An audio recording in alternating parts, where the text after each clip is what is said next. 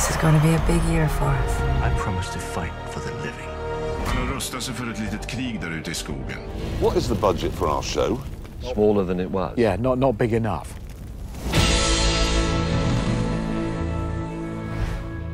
Då så, hej och varmt välkomna igen till Streamingpodden. Den här gången avsnitt nummer 25. Det är som vanligt med mig, Jonas Rydholm Birmé och Magnus Svensson. Vi är båda från företaget Ivin Technology.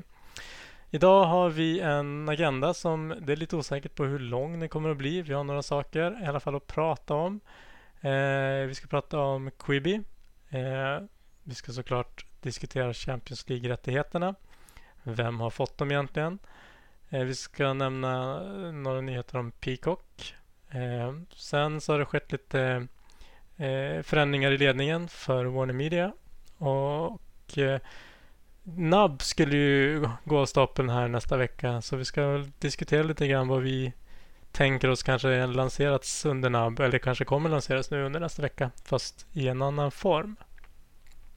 Eh, sen lite korta nyheter och sen så avslutar vi med saker som aldrig slog. Eh, och vad det handlar om idag får ni höra lite senare. Så vi kan väl börja med eh, Quibi, Magnus. Mm. Har du provat det? Jag har provat det och laddade ner. Jag varit lite förvånad faktiskt för att eh, initialt skulle de egentligen bara ha lanserats i USA och Kanada. Men eh, om det var medvetet eller om det var omedvetet. Men appen finns möjlighet att eh, ladda ner i Sverige och köra den. Så att jag körde Mm. första dagen, laddade jag ner Q. Den har ju varit efterlängtad. Den vart ju lite försenad också tack vare eh, covid-19 eh, händelserna också. Så att det vart ju några veckor senare. Jag tror fortfarande tyvärr konceptet är inte riktigt lämpad. Den är ju väldigt lämpad för pendling, sitta på tunnelbanan och sådana saker och titta på filmer. Men Men vad är, det för, vad är för typ av innehåll som de har? det är ju korta, korta serier. Eller serierna är längre men avsnitten är korta. Så det är de, de siktar ju på runt 10 minuters avsnitt av de olika serierna. Och det är ju det är kvalitetscontent fast med korta snuttar. Tänk skam-konceptet mer. Att det är Ja, kort, okej. korta Mm. små snuttar som de släpper.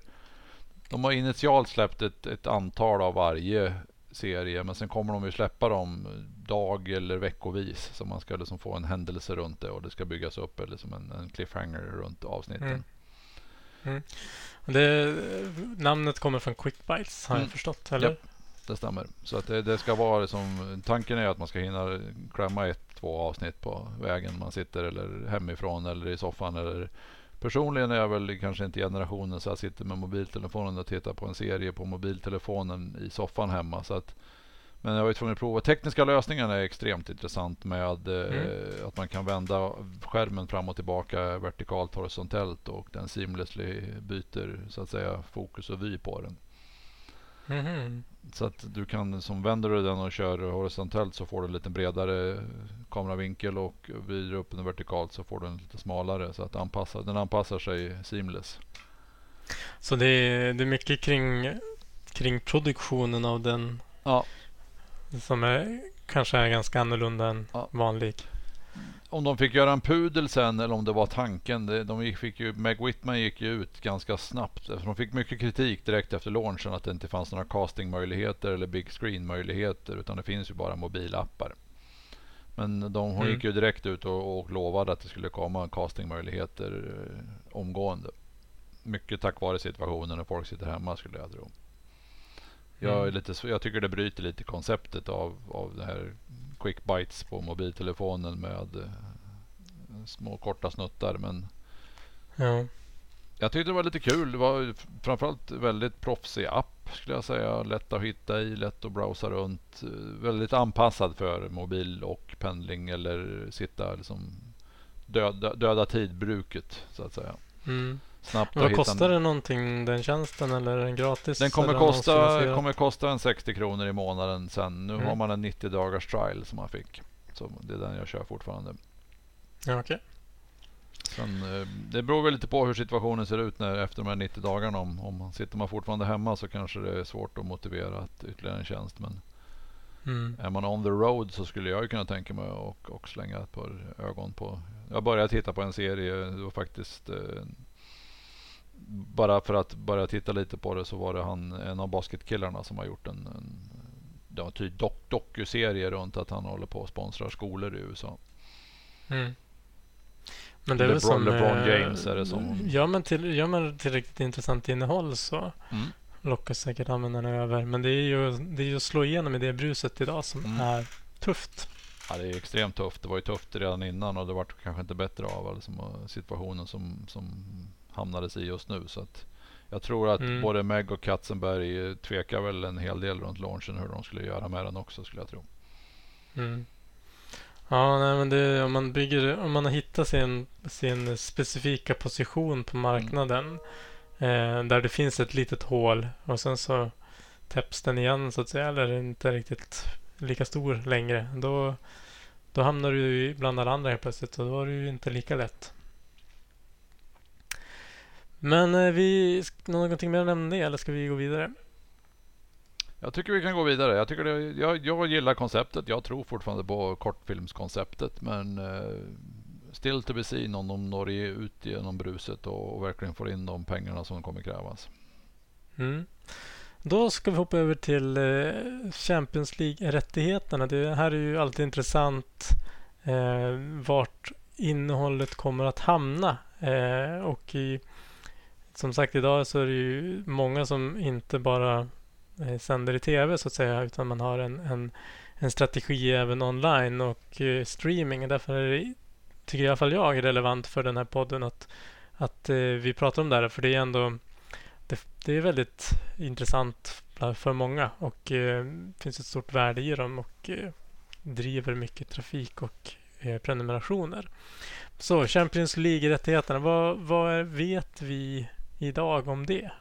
Det vi vet är att Nent eh, behåller rättigheterna från de närmaste tre åren i Danmark. Eh, tror att det är bekräftat att eh, även att TV2 i Norge har fått de norska rättigheterna. Medans eh, allting pekar på och dagens media har väl avslöjat att det är Telia som ska ha köpt det för Sverige och Finland. Mm. För den nätta summan av en miljard per år. Mm, mycket pengar även det. Eh, men men eh, man, man, man gick igenom med budgivningen trots allt eller nuvarande rådande läge och allt sånt där. Mycket kritik har det varit runt det och det kan jag ju till viss del förstå. Att liksom det är svårare att sitta och estimera de rättigheterna. Samt, samtidigt så är det ju inte rättigheterna i Mm. år heller. Så att liksom det, Nej, men jag tänker med många ha, hamnat, har ju hamnat i den situationen att mycket av sina intäkter eh, eh, försvinner eftersom mycket live- live-evenemang och sånt ställs in och även fotbollsmatcher och så kan det vara kanske svårt att få igenom eh, att lägga massa pengar på det idag när man kanske behöver kassan framöver för även andra saker. Absolut, det måste, vara, det måste vara jättesvårt att motivera en investering på en miljard per år. För att det var ju man kan ju bara fundera på vad, vad efterspelet av det nuvarande situation kommer vara om det, om det blir ligor som helt blir inställda som då tv-rättigheterna är betalade för. Och, Mm. OS är väl en sak som Discovery sitter på för att den kommer ju ske fast nästa år. Så på något vis de intäkterna flyttas ju egentligen bara till nästa år för dem. Men säg att allsvenskan i fotboll inte blir av i år överhuvudtaget. Vilket, mm, ja, man ska inte ropa hej än på den. Och det innebär att Discovery sitter med fotbollsallsvenska rättigheter som de betalat. Jag tror det var en halv miljard per år för dem också. Mm. Och vi har Premier League som inte är färdigspelad. Det är 18 omgångar kvar. Vad händer med dem? Då sitter Nent med en Mm. hel del pengar ute där. Så att, eh, och sen då helt plötsligt gå in och buda på Champions League-rättigheterna för, Mm. för miljardbelopp. Det, ja, det,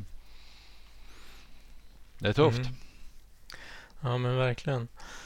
Ja, men som sagt, vi vet väl inte. Det är väl inte bekräftat någonstans vem som faktiskt tog hem det än. Nej, det är ju egentligen allt, all, all, all spekulationer bygger ju på vad dagens media har avslöjat. Sen brukar det sällan vara rök utan någon form av eld någonstans. Så Mm. Jag skulle tro att det, Nej. det är säkert slutförhandlingar som pågår med detaljer. Skulle, det kanske finns lite sådana här eh, klausuler runt vad som händer om det inte spelas och sådana saker som diskuteras. Kan vara, kan vara. Ja, det blir, det blir väldigt splittrad eh, fotbollsmarknad, framförallt i Sverige där man om man är fotbollsintresserad och vill se Champions League, Premier League och Allsvenskan eh, måste ha tre tjänster. Mm. Mm. Verkligen. Ja, då kanske man måste välja bort någon. Det Ja, det är väl det som var det tuffa och det är inga billiga tjänster någon av de tre. Så att, Nej. Nej, men bra. Vi går vidare med det. Eh, då ska vi nämna, är det NBC Universals tjänst Peacock? mm. Smyglanserade igår i, eh, Ja, för. I utvalda, utvalda Comcast-abonnenter i USA. Så att det är fortfarande en väldigt liten lansering de har gjort. Utan det är, Mm. det är Comcast-ägt alltihopa. Så på några av deras Xfinity-kunder så smög de ut Peacock. Mm. De, tanken var ju att de skulle ha gjort en, en ren launch i, i juli. Jag vet inte riktigt om planerna är på väg att ändras eller om det här är någonting som är det känns som att de försöker ändra planerna baserat på de senaste händelserna och faktiskt komma ut med någonting just nu. Mm. Och vad är det för innehåll i, i den tjänsten? Än så länge väldigt mycket gammalt material från, från, eh, från NBCs portfölj. Det är The Office, det är 30 Rock, Law and Order, Park Recreation. Det är som det är deras gamla serier, gamla NBC-serier. Men att de kommer ju sakta men säkert troligen senare under året bara putta ut sina nya egna originals. Så att eh, än så länge är det bara Comcast-abonnenter som kommer få tillgång till Peacock. Men det kommer ju komma mer efteråt sen självklart. Kanske gör sådana här smyglanseringar för att kunna ja, men, framförallt kanske testa mycket av tekniken och se att allt sånt där är på plats. Det är jag helt övertygad om att det, ligger mycket bak- att det är sånt som ligger bakom det. Att de får det som, dels får de komma ut nu i bruset. Kanske inte som kanske är så att eh, passa passar på för att få prova allting. De kommer ju ha tre varianter vad jag har förstått på betalning. Du kommer ha en, en helt gratis, en limiterad version där inte allt content är tillgänglig. Du kommer ha en som kommer kosta runt 5 dollar där du har annonsfinansierat. Mm. Och sen är det en 10 dollars version som är annonsfri. Mm. Och de hade ju vad de kallade Premiere eh, annonsörer. Bland annat eh, lite Ja. bryggerier och lite andra ganska stora varumärken som skulle gå in och, och, och lägga ganska stora annonsbudgetar på Peacock.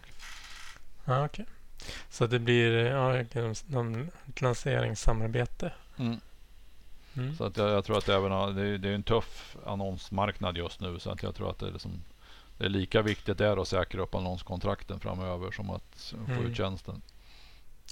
Men eh, jag gissar att det där är något, det, någon tjänst som kommer vara framförallt kanske fokuserad i staterna eller, eller i alla fall kommer det dröja innan det kommer till. Ja, jag tror just den, just den kommer nog dröja ganska länge när vi kommer kunna få Mm. ta tillgång till. Men de, de har väl sagt att de ska gå globalt med den. Men sen hur takten är där, det, det ska vi nog låta vara osagt. Mm.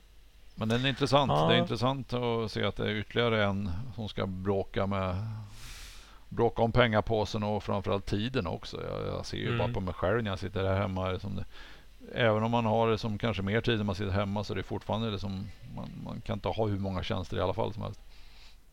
Nej, sen börjar man ju bli lite less på skärmen. När man sitter framför den hela dagen, här verkligen nästan hela tiden. Eh, nej, så det där blir lurigt. Ja, men vi går vidare. Eh, då har vi eh, eh, något att nämna i toppen hos Warner Media eh, och HBO då. Ja, säga. de Vad, fick- vad är det som hänt där, Magnus? De fick en ny chef på Warner Media och framförallt med fokus på HBO och HBO Max-lanseringen. Det är Jason Killar som är tidigare Mm. grundare av Hulu. Som eh, har blivit rekryterad vilket har till och med skrämt upp eh, Reed Hastings som twittrade och sa att det var en bra han vart rädd men det var tre, kul för Warner Media och Hulu. Att, eh, han är tydligen ganska bestämd vad han vill ha för att och han Mm. kommer tydligen ta tag i HBO ganska mycket. Nu skulle han under lanseringen av HBO Max har han sagt i intervju att han ska sitta i baksätet men att han troligen inte kommer hålla sig i baksätet hur länge som helst. Mm. En eh, väldigt rutinerad kille i, i branschen och eh, framförallt bakgrunden att byggt upp Hulu tror jag inte är helt dum i det här. Kan, det, kan det säga någonting om åt vilket håll de är på väg eller vad de ska göra? Nej, det är fortfarande en gåta för mig hur AT&T och Warner Media eh, har sina, de har ju fruktansvärt massa olika plattformar och varianter av bara av HBO. Mm. Och sen har de alla eh, DirecTV och AT&T och de sålde Quickplay tillbaka igen som de köpte för några år sedan AT&T Så att Mm. en Mm. väldigt spretig portfölj AT&T sitter med vad det gäller media. Så att, eh, fortfarande väldigt svårt. Jag tror att det kanske kan, kan behövas en, en kille med starka nyper som kanske kan bara styra upp. Mm. Han skrev ju i någon intervju eller någon, någon intervju att han skulle fokusera mycket på teknik och teknikplattformarna. Så det, kan, det kanske kan peka på att det finns en, någon form av alignment av teknikplattformar där. Just det. Mm.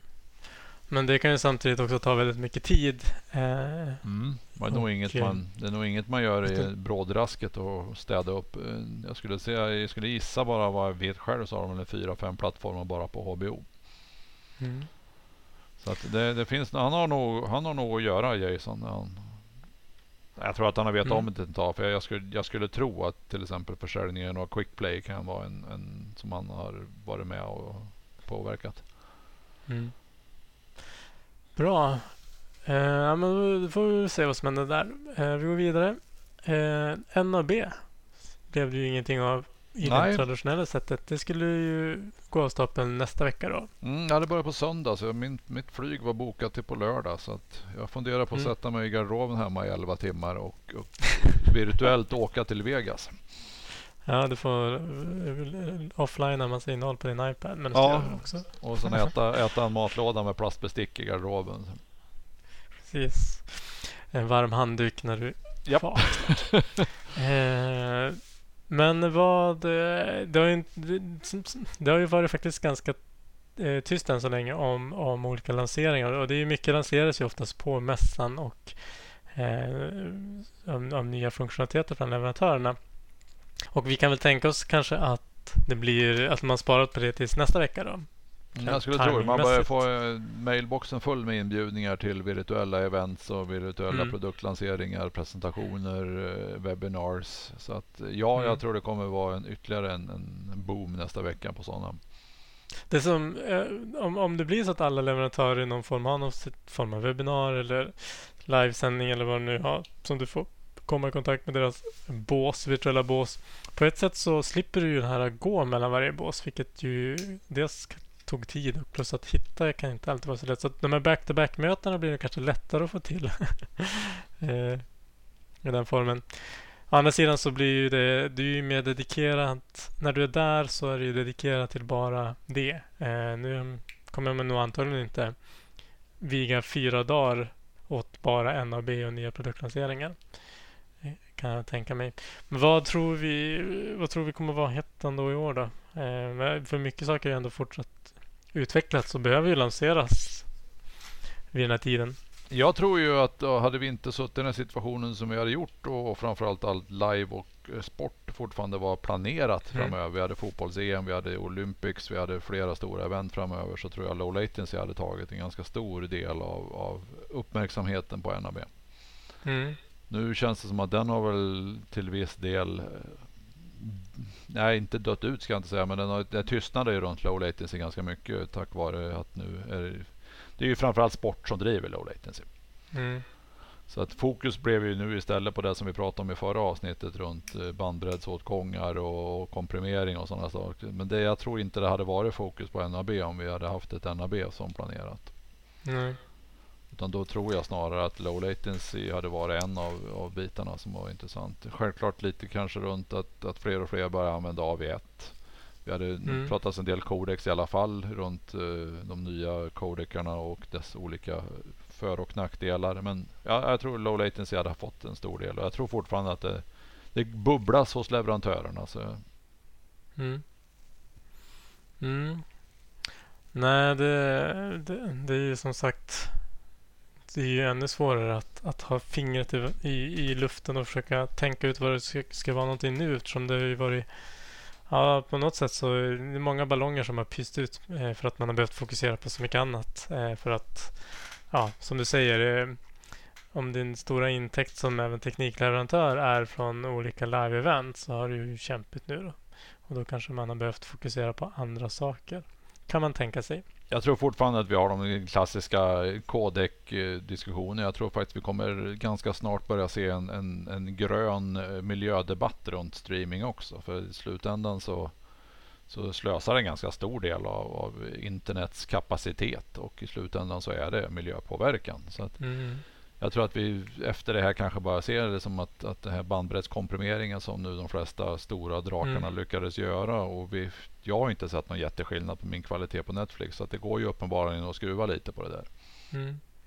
Ja, det, det, det blir viktigare den biten. Eh, både från, alltså kanske inte kostnad som driver det mest utan just optimera för att kunna höja kvaliteten. För det jag kan väl tänka mig att eh, man vill ju ha hög kvalitet fortsatt. Eller den som har högst kvalitet kommer ju fortfarande på något sätt se bäst ut i tittarnas ögon. Och kan du då göra det ändå utan att och ändå rymmas tillsammans med andra då Eh, men samtidigt så behöver väl infrastrukturen också byggas ut. Mm.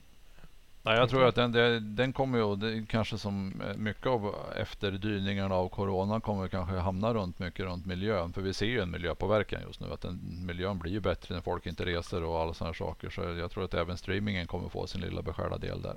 Mm. Ja. ja, men vi, vi lämnar NAB. Vi får återkomma nästa avsnitt kanske med en eh, rapport från NAB. från, Alla virtuella, jag ska försöka vara med på några av de här. Jag brukar försöka klämma en webbinar och sådana saker mm. per dag i alla fall. Så jag satt och lyssnade igår på en med eh, Nice People at Work och Dan Rayburn. Mm. Så att, Kul. Ja, men bra. Ehm, då, vi kan väl lämna lite snabbt innan vi avslutar med sista ämnet då. Är att eh, Amazon har fått, det är väl bara de än så länge som har fått möjlighet att eh, ha betalning i sina tjänster via, via Apple utan att behöva betala den här eh, andelen eller procenten till Apple. Mm, det bubblade ju upp helt lite obemärkt eh, och att Mm. det, enligt statements från Apple så finns det då en, en, en för premium subscribes tjänster så finns det en möjlighet att ha ett, ett specialavtal med Apple runt att Mm. använda deras ramverk. Så att det, det återstår väl att se lite vad det innebär och allting sånt. Mm. Men att jag tror att både Apple och Amazon är nog lite på något vis bättre att inte fightas mellan varandra och för att det kanske inte är de som är de största fienderna mot varandra utan Mm. Snarare, snarare så ser de väl fördelarna med Amazon Prime och Apple tillsammans kanske. Mm. Det är nog inte så många andra som kan få den dealen tänker jag. Ja, det är nog inte vem som helst som får den i alla fall. Men det var intressant och det skapade en ganska stor debatt. Det kanske inte har lagt sig än men många har varit ju intresserade av vad det där var för en specialdeal. För det är ju en, det är ju en begränsning för många tjänster idag att du inte kan gå in och, och göra dina köp direkt i, i appen utan oftast Mm. lägger de det utanför för att slippa den 30, 30-procentiga momsen från Apple. Mm. Ja, Spotify har väl den utmaningen. Mm. Ja, I princip alla tjänster har ju den utmaningen att de lägger det utanför istället. Mm. Men om man ska jämföra Spotify som konkurrerar med Apples Apple Music så har du ju en tydlig konkurrensfördel då, eller? Ja, de, de Nackdel kanske inte är de första hållet. som får fördelarna heller. Nej, äh, men det, det tänkte jag var väl värt att nämna för de som har missat det. Eh, då ska vi avrunda med det stående ämnet saker som aldrig slog. Och den här gången så det, det är väl lite med kanske sorg vi får, får meddela att det här aldrig slog. Men vi pratar alltså om LHLS. Det vill säga inte Apples Low Latency HLS utan den här Low Latency HLS-versionen som, som jag personligen trodde väldigt mycket på. Eh, och var tekniskt väldigt bra, väldigt lik eh, det initiativ som gjort på MPEG-sidan. Eh, men eh, det var väl bara några dagar sedan eller några veckor sedan som nyheten slog oss att man har valt att lägga ner det projektet, eh, LHLS. Så det får väl tyvärr kategoriseras in i, i, i under kategorin saker som aldrig slog. Eh, även om det är med lite sorg man får Ja, en liten tår i ögat. Jag, när John Bartos som var grundaren och drev den biten stängde det GitHub-projektet. Mm. Så att, eh, ja, det var synd. Det var, men ja, han, han, han och branschen insåg att vi kunde inte konkurrera mellan två HLS-lösningar. Och hade, nu, när nu, nu väl Apple har lanserat sin och den faktiskt börjar bli tillräckligt alignad med Dash och CMAF så var det svårt att motivera ett ytterligare spår. Mm. Ja, och en hjälper ju branschen på det sättet att det blir tydligt i att just det, det alternativet är är inte något att satsa på. Um, så att för alla inblandade så är det ju bra att kunna, ja men vi lägger ner den, det spåret i alla fall och kan fokusera på, på Apples low latency. Har vi hört någonting mer eh, konkret från, från de diskussionerna på senare tid, Magnus?